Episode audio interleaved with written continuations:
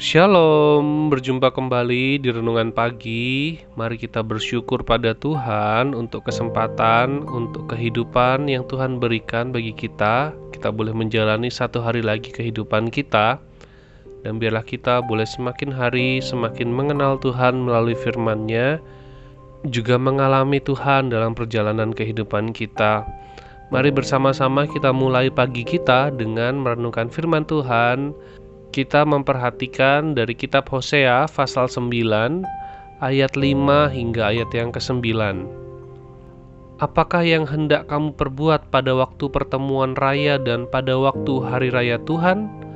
Sebab walaupun mereka mengelakkan diri dari pemusnahan, Mesir akan mengumpulkan mereka, Memphis akan menguburkan mereka, rumput akan menutupi barang-barang perak mereka yang berharga, onak akan tumbuh dalam kemah-kemah mereka. Sudah datang hari-hari penghukuman, sudah datang hari-hari pembalasan. Israel akan mengalaminya. Nabi adalah seorang pandir, orang yang penuh roh adalah orang gila. Oleh karena besarnya kesalahanmu dan besarnya pemusuhan, Efraim, umat Allahku, sedang mengintai nabi. Jerat penangkap burung ada di sepanjang jalannya permusuhan ada di dalam rumah Allahnya. Busuk sangat perbuatan mereka seperti pada hari-hari Gibea. Ia akan mengingat kesalahan mereka dan akan menghukum dosa mereka. Bagian ini menunjukkan pada kita mengenai penghukuman Tuhan kepada orang Israel. Penghukuman Tuhan adalah penghukuman yang tidak dapat dihindari, orang Israel yang dapat menghindar atau dapat lari dari serangan Asyur, mereka bukan berarti lolos dari penghukuman Tuhan, sebab Tuhan akan memakai Mesir untuk menghukum mereka. Dan sama seperti orang-orang Israel yang dibawa ke Asyur, mereka yang dibawa ke Mesir pun mereka tidak dapat merayakan atau memperingati hari-hari raya bagi Tuhan seperti yang tertulis dalam hukum-hukum Musa.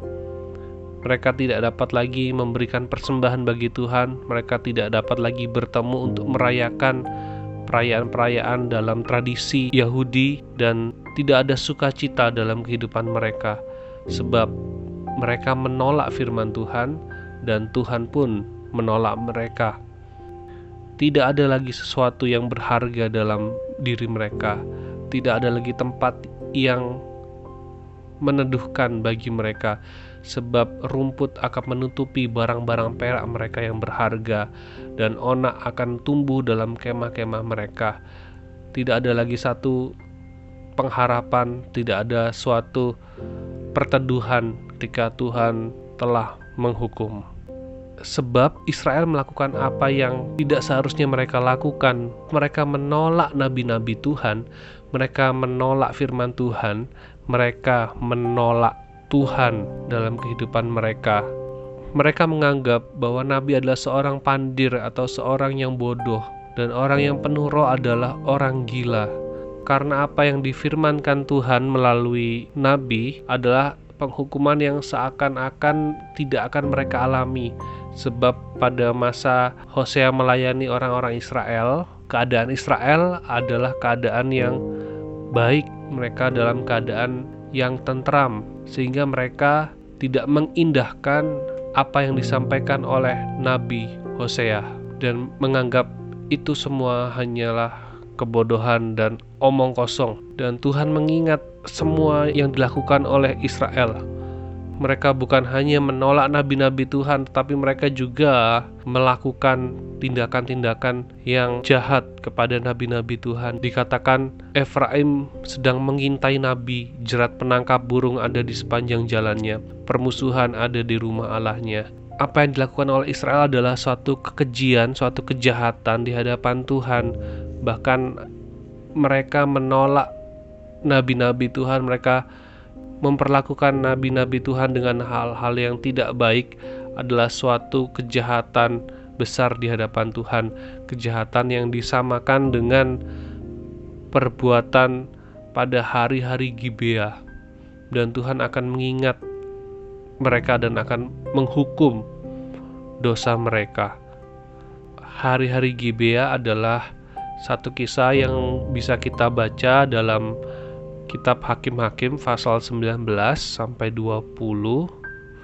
Di situ kita bisa melihat suatu kejahatan yang begitu kejam yang dilakukan oleh salah satu suku Israel yang membuat suku-suku lainnya berperang melawan satu suku itu.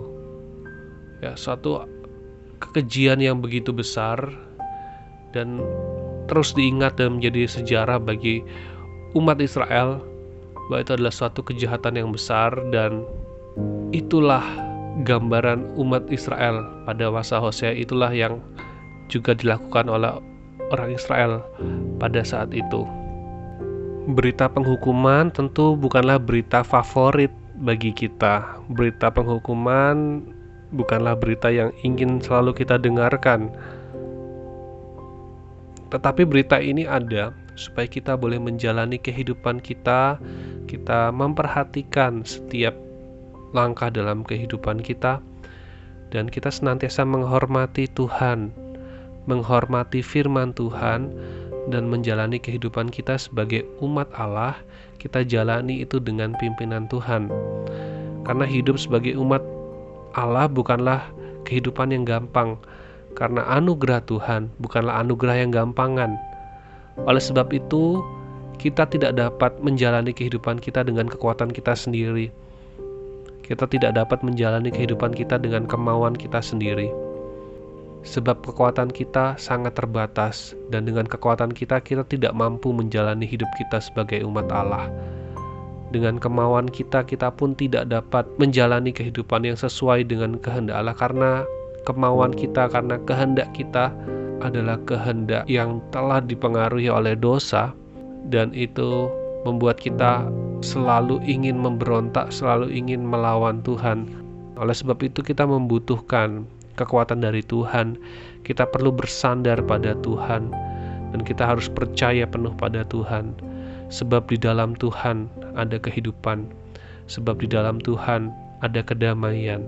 Dan biarlah berita penghukuman ini tidak kita lupakan, tetapi boleh menjadi sebuah pedoman juga dalam kehidupan kita bahwa Tuhan memperhatikan apa yang kita pikirkan, Tuhan memperhatikan apa yang ada dalam hati kita dan Tuhan memperhatikan apa yang kita lakukan dan Tuhan ingin agar kita hidup sebagai umatnya, hidup di dalam anugerah yang sudah disediakannya.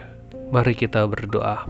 Bapa di surga kami bersyukur bahwa anugerahmu lebih besar dari kami. Bahwa anugerahmu ya Tuhan mampu menyelamatkan setiap kami.